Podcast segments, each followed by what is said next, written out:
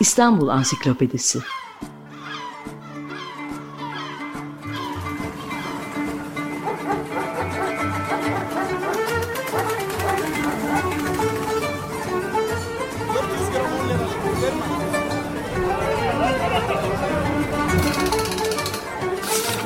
İnsanlar, olaylar, mekanlar, gelenekler ve ihtiyaçlar üzerinden şehrin tarihinden sayfalar.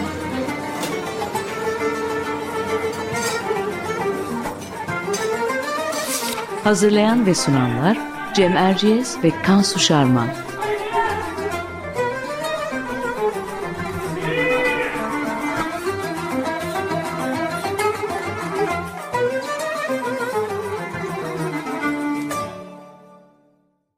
Merhabalar Cem Erciyes ben. Açık Radyo'da Kansu Şarman'la birlikte hazırladığımız İstanbul Ansiklopedisi'nin yeni bir programındayız. Bu hafta konumuz İstanbul'un casusları. Konuğumuz ise yazdığı pek çok kitap arasında Casuslar kitabı ve Entrikalar kitabı bu konulara değinen iki kitabı da bulunan gazeteci Murat Yetkin. Hoş geldin Murat Yetkin. Hoş geldin. Hoş bulduk Cem Erciyes. Hoş bulduk Kansu Şarman. Ee, önce e, bir Buyur. küçük şey söyleyeyim mi? Bu e, kitapların adı hani Entrikalar kitabı ve Casuslar kitabı ama bunun bir editörü var. Adı Cem Erciyes. e, meraklısı için Entrikalar kitabı ve meraklısı için Casuslar kitabı diye alınmasın diye söylüyorum ben. Tamam doğru. E, kitaplarımızın isimlerini doğru söyleyelim. Birlikte hazırladığımız kitaplar Meraklısı için Casuslar kitabı ve Meraklısı için Entrikalar kitabı. Şimdi biz her hafta olduğu gibi Kansu'da küçük bir giriş yapıp hemen sözü Murat Yetkin'e bırakacağız.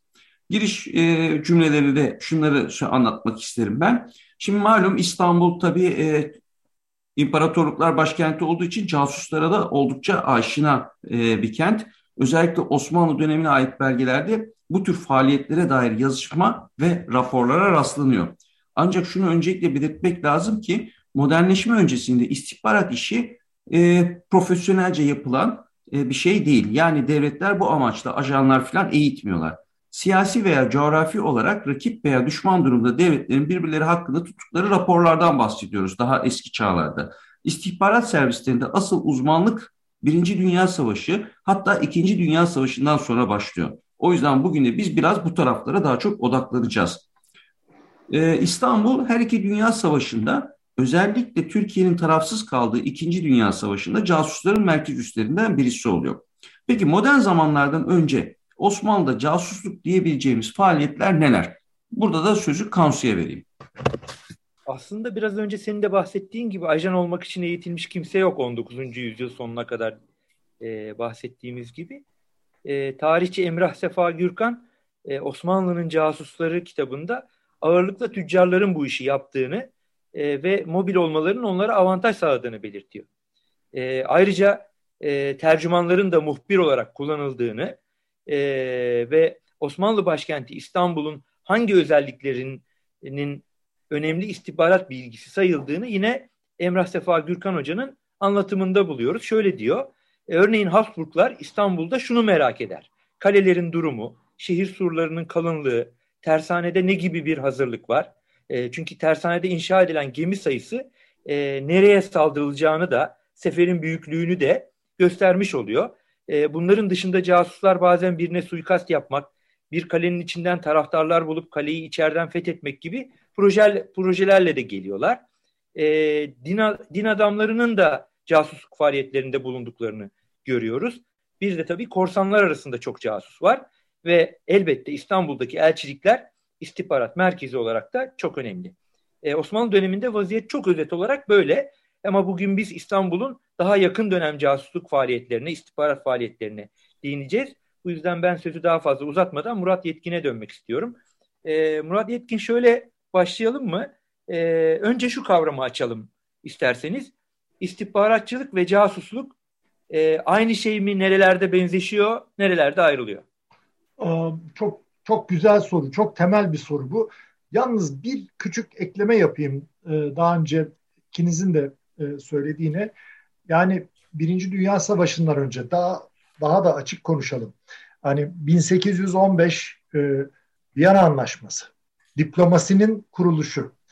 diplomasinin kuruluşuyla beraber casusluk bir hani e, şey haline resmi bir e, statü kazanıyor. Yani ülkeler birbirlerine hatta bugün de e, büyükelçiliklerde resmi atanmış şeyler var. İstihbarat görevlileri var. Yani onlar o ülkenin gizli servisleriyle doğrudan irtibat içinde olan şeyler. Bunlar 1815 Viyana Anlaşması önemli ama ondan önce de e, casusluğun ya da istihbaratçılığın bir meslek olmadığını söylemek tam doğru değil.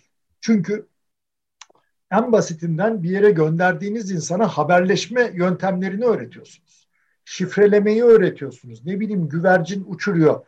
O, onu, onu eğitiyorsunuz. Yani çok lisan bilen kişileri kullanıyorsunuz. O yüzden işte seyyahlar, e, tüccarlar, mesela Marco Polo, Marco Polo hani casus değil bir tüccar ama Marco Polo'nun doğudan getirdiği şeyler bakın e, hani ekonomik casusluk diye ilk bilinen şeylerden biri mesela porselen sırrını getiriyor. Marco Polo ki e, Avrupa tanımıyor öyle bir şeyi. Onun nasıl yapıldığının sırrını yani bu tür şeyler bile var Çin'den tabii. E, ama e, profesyonel derken Cem herhalde e, bunun bir mesleki disipline sahip olmasın. Yani sadece ajan yetiştirme değil, istihbaratçı yetiştirme e, anlamını söyledi. Çünkü e, Kansu e, çok doğru e, söylediğin gibi ajan başka bir şey, yani casus başka bir şey, istihbaratçı başka bir şey. Yani ajan hatta daha geniş bir kavram. Yani her bir şey ajan e, sayılabilir. Yani bir sağlık görevlisi de yerinde bir ajan olur. Oradan bilgi alıyorsunuz sağlayabilir. Casus ayrı bir şey. Casus belli bir hedefle gidiyor. Bir şey yapıyor filan. İstihbaratçılık bir meslektir. Casusluk, ajanlık bir iştir. Peki. Ee, şimdi ben biraz hızlıca sözü İstanbul'a da getirelim istiyorum. Ee, şimdi e, biraz önce siz aslında istihbaratçıların e, kendilerini gizlemek için e, Osmanlı döneminde e, hangi meslekleri kullandıklarından bahsettiniz ama İkinci Dünya Savaşı'nın hemen öncesinden başlayan ve savaştan sonraki Soğuk Savaş'ın hüküm sürdüğü zamanlarda istihbaratçılar kendilerini gizlemek için hangi meslekleri e, kullanmışlar? E, oradan da mütareke dönemi istihbarat faaliyetlerine, casusluk faaliyetlerine geçebiliriz. Çok güzel. Şimdi önceki zamanlarda dedik işte tercümanlar, seyyahlar, din adamları bunlar. Sonraki ara dönemde bir bakıyoruz e, arkeoloji çıkıyor ortaya. Bakın e, Birinci Dünya Savaşı'nda Osmanlı İmparatorluğu'nun hani parçalanmasının güneydeki nedeni olan Arap ayaklanmaları ve onları işte birazcık e, kullanan İngiliz istihbaratı bölgeye e, tamamen arkeoloji heyeti olarak giriyor. Yani ve arkeoloji e, çalışmalarını yaptıkları yerde e, o zaman Karkamış'ın yani karşı, aynı şehir şimdi Suriye sınırıyla bölünmüş Cerablus. Cerablus'ta üstleniyorlar ve oradaki e, şey çalışmalarını kimler yok ki orada? Lawrence var. Meşhur e, Arabistanlı Lawrence. Gertrude Bell ki Gertrude Bell hepsinin şefi aslında. Yani müthiş bir kadın casus. Yani o var. Gerçekten çok sayıda insan var e, orada toplanmış. Çünkü e, işte bir e, 100 kilometre kadar, e, 100 kilometre bile değil doğusunda e, şimdi Kobani diye adlandırılan e, Aynel Arap, e, Arap Pınarı Orada da Alman casusluk şebekesi var. yani orada çünkü demir yolunu Almanlar yapıyor ya onlar da orada şey, o, aslında birbirleriyle e, itişiyorlar. Şimdi e, o zaman şey yapılan yine e, tüccarlar önemli yer tutuyor.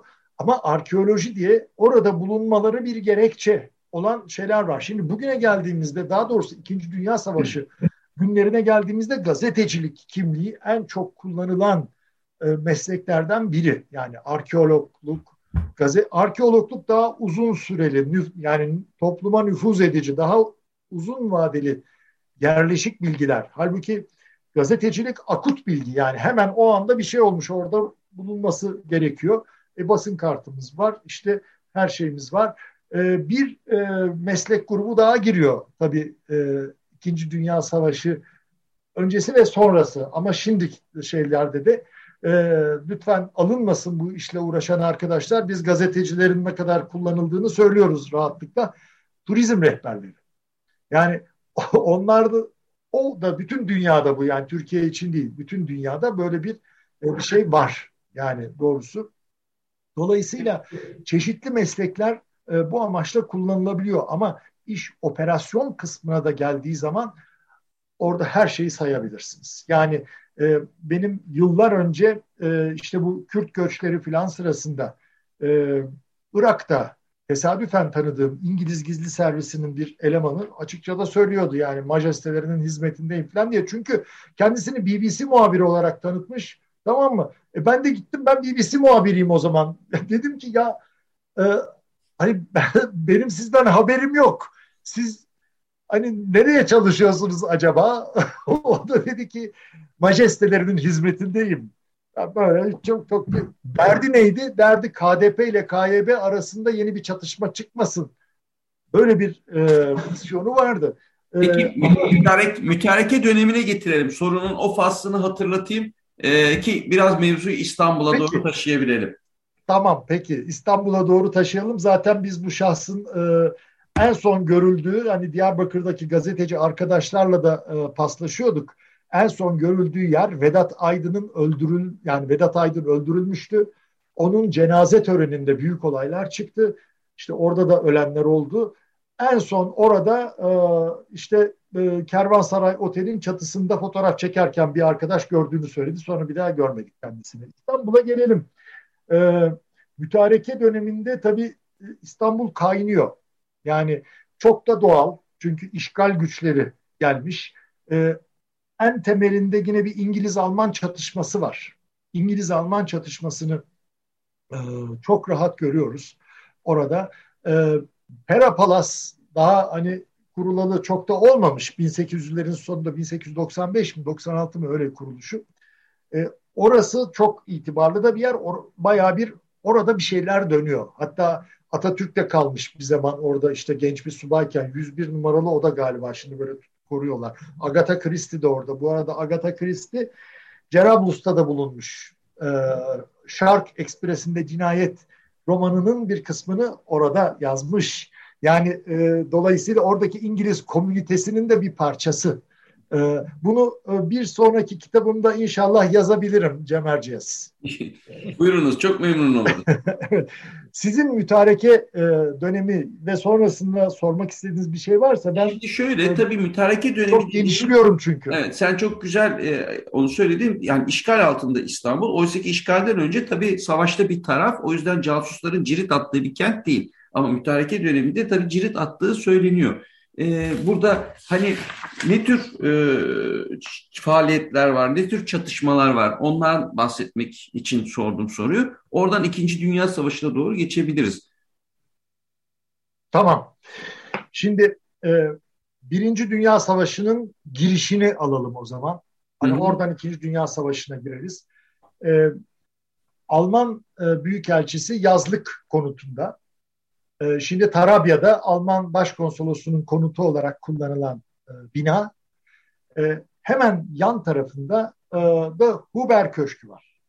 Huber Köşkü'nü kurduranlar iki şey kardeş Alman bunlar. Biri Krupp toplarının Türkiye temsilcisi, diğeri de Mauser tüfeklerinin Türkiye temsilcisi, silah tüccarları orayı e, Ermeni vatandaşlardan alıyorlar oraya bir hmm. şey kuruyorlar köşk. Ama köşkün bir de o zamanın en son teknolojisi yani bugün bizim işte dijital teknoloji falan neyse telsiz istasyonu da dikiyorlar oraya. Ve Alman Büyükelçisi e, boğazlardan hani Göben ve Breslau'nun gelişini oradan kontrol ediyor. Yani o tesadüfi bir kaçış değil. Yani Türkiye'yi zaten savaşa sokmak için bir kaçış. Tabii burada çok acı olan Enver'in, e, Enver Paşa'nın tam bir oldu bittiyle Türkiye'yi e, savaşa sokmasıdır. Ancak e, Amerikan Büyükelçisi'nin e, anılarında, Morgenthau'nun anılarında vardır. E, Alman Büyükelçisi şahit olmasını da istiyor. Yani bir torpido bot geliyor haber veriyor. İşte yan taraftan Huber Köşkü'nden o e, şey kalenderden doğru şeye geliyor. Tarabya'ya bot canlandırabiliyorsunuz değil mi? Hı Gözünüzde Büyükelçi büyük bir süratle merdivenlerden iniyor. Okuyor notu tamam diyor. Girdik diyor. Ve işte diyor e, bütün mürettebatta Türk oluyor falan böyle şeyler. Sonra onlar, onlar hedefine ermiş oluyor. Peki. Evet. Yani casusluk o, o dönem hakikaten böyle büyükelçiler düzeyinde falan da e, yapılan bir şey ve bu yadırganmıyor. Yani o zaman öyle.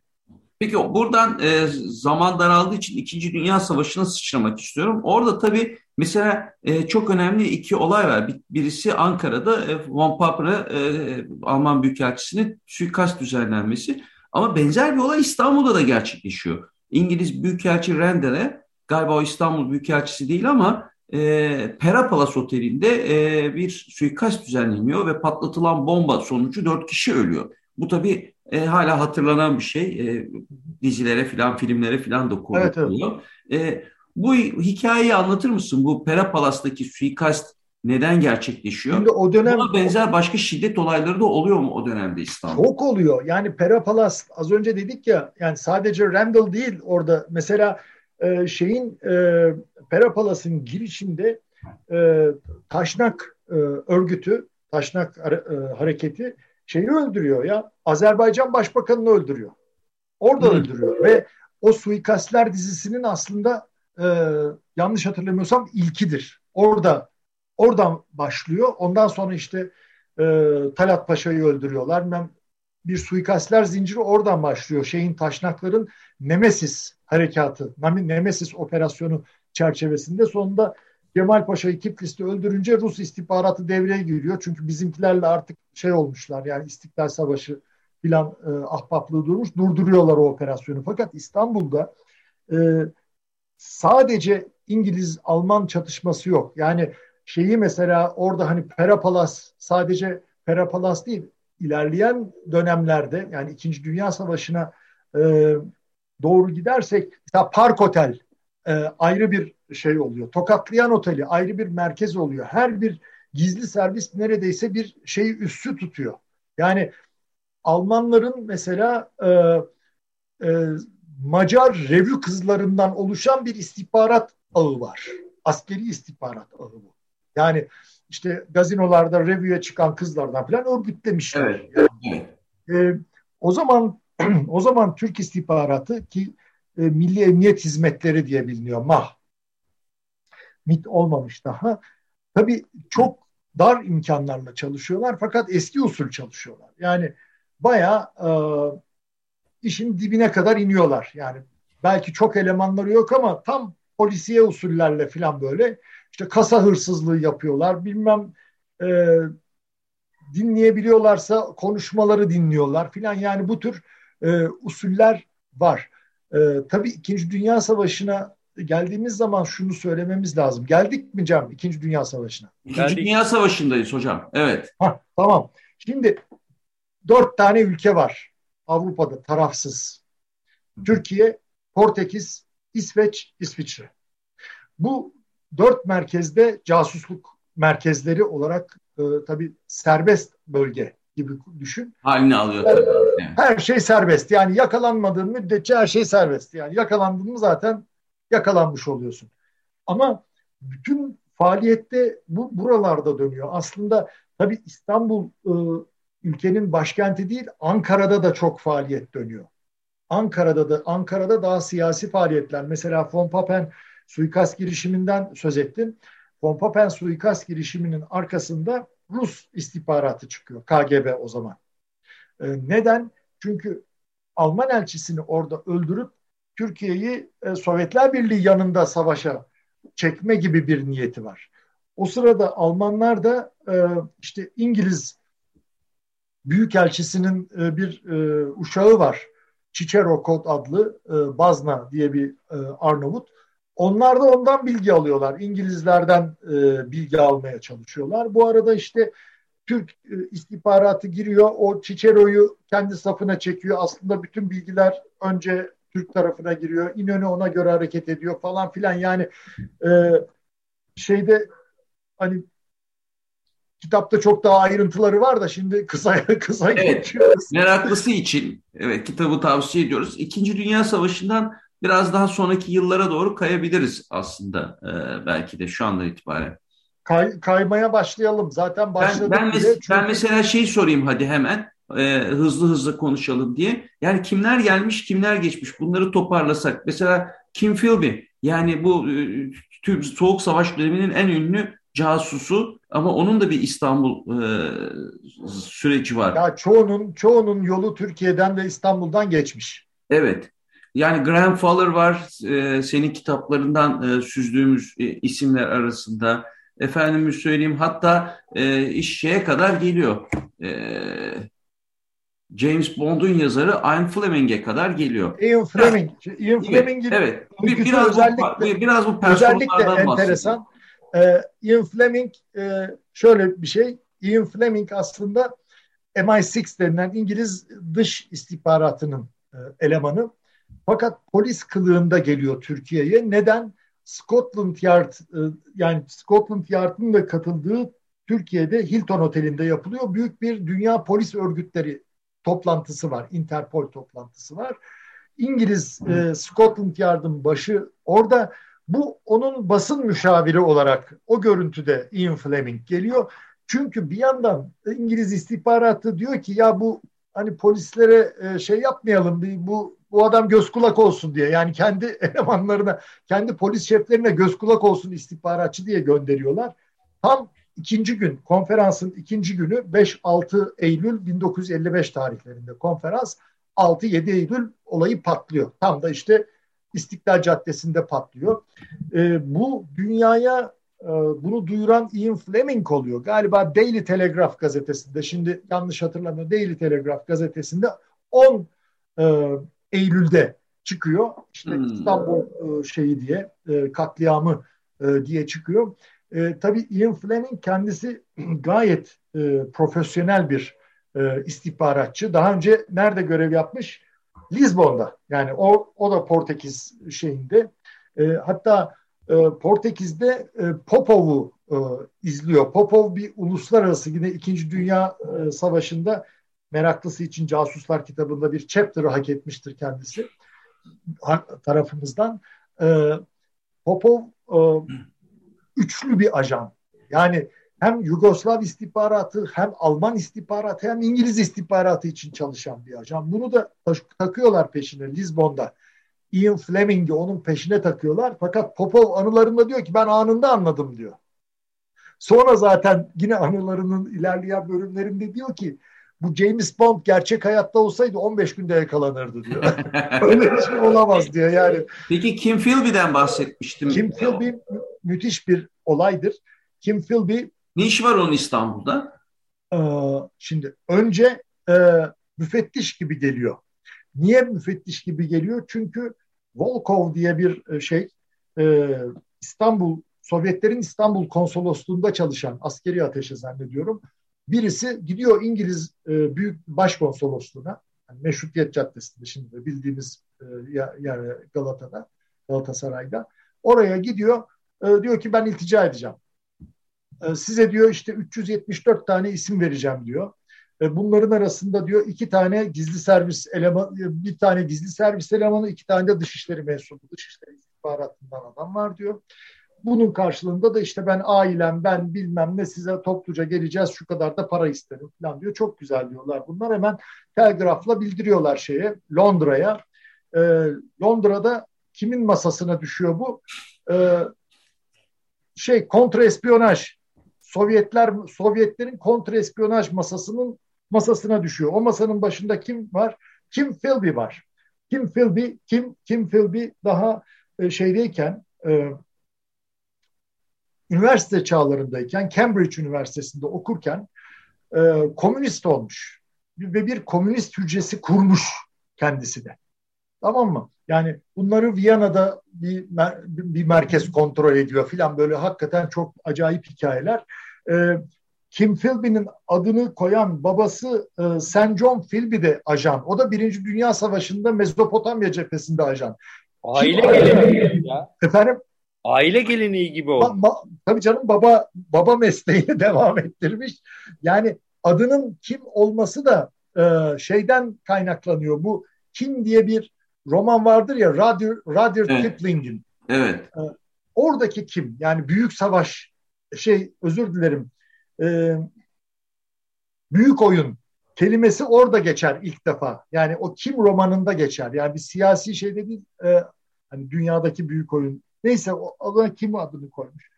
Kim Philby allem ediyor, kallem ediyor bu olayı araştırmak için. Çünkü raporu bir okuyor kendi adı. Yani bir tek adı yazmıyor. Bir kendisi tarif ediliyor. Bunu da engellemesi lazım. Allem ediyor, kallem ediyor. Kapağı İstanbul'a atıyor müfettiş olarak. Olayı inceleyecek müfettiş olarak. Tabii bir yandan da Moskova'ya haber salıyor. Moskova'dan iki tane tetikçi geliyor Türkiye'ye. Volkov ve karısını uyuşturuyorlar.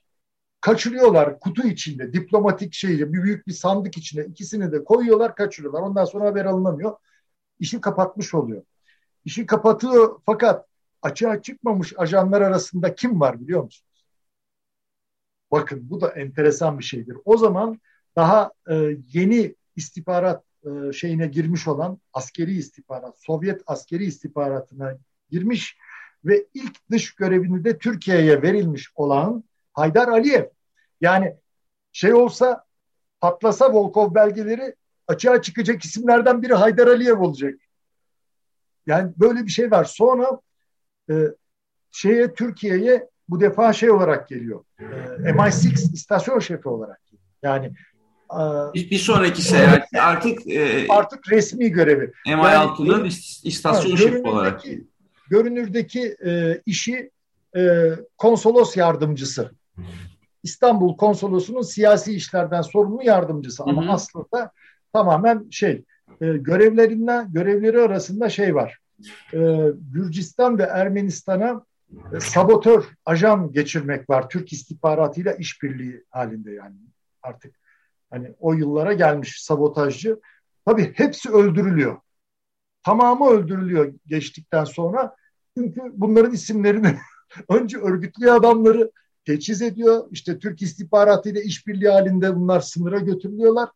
Fakat sınır geçer geçmez zaten orada e, Sovyet sınır muhafızları bunları bekliyor. Hepsini öldürüyorlar. Yani böyle de bir enteresan adam e, tabii sonra açığa çıkıyor ve Sovyetler Birliği'ne 60'larda 62 ya da 3 gidiyor e, ve orada neyi kuruyor biliyor musunuz? Yıllarca Sovyetler Birliği'nin e, batıdaki en büyük e, propaganda şeyi olan Novosti haber ajansı ve Mir yayınları. Mir hem dünya hem barış demektir Rusça. Onları kuruyor İngilizce. Orada evet burada Em emekliliği yaşamıyor yani. Çalışmaya devam ediyor demek ki. Çalışıyor tabii tabii. İnanmış bir komünist. Yani şey için yapmıyor bunu. Böyle para için, hava için, bilmem ne için yapmıyor ve e, Kim Philby hem İngiliz kraliyet nişanı hem Franco'nun elinden İspanya diktatörü Franco'nun elinden orada da gazeteci olarak bulunuyor. Franco'nun elinden liyakat nişanı hem de Lenin nişanı sahibi dünyadaki tek insan. Süremiz doldu. Murat Yetkin çok teşekkür ediyoruz. Bize bugün İstanbul'un casuslarını anlattığın için e, ve dinleyicilerimize hoşça kalın diyoruz. Hoşça kalın. Çok teşekkürler. Hoşça kalın.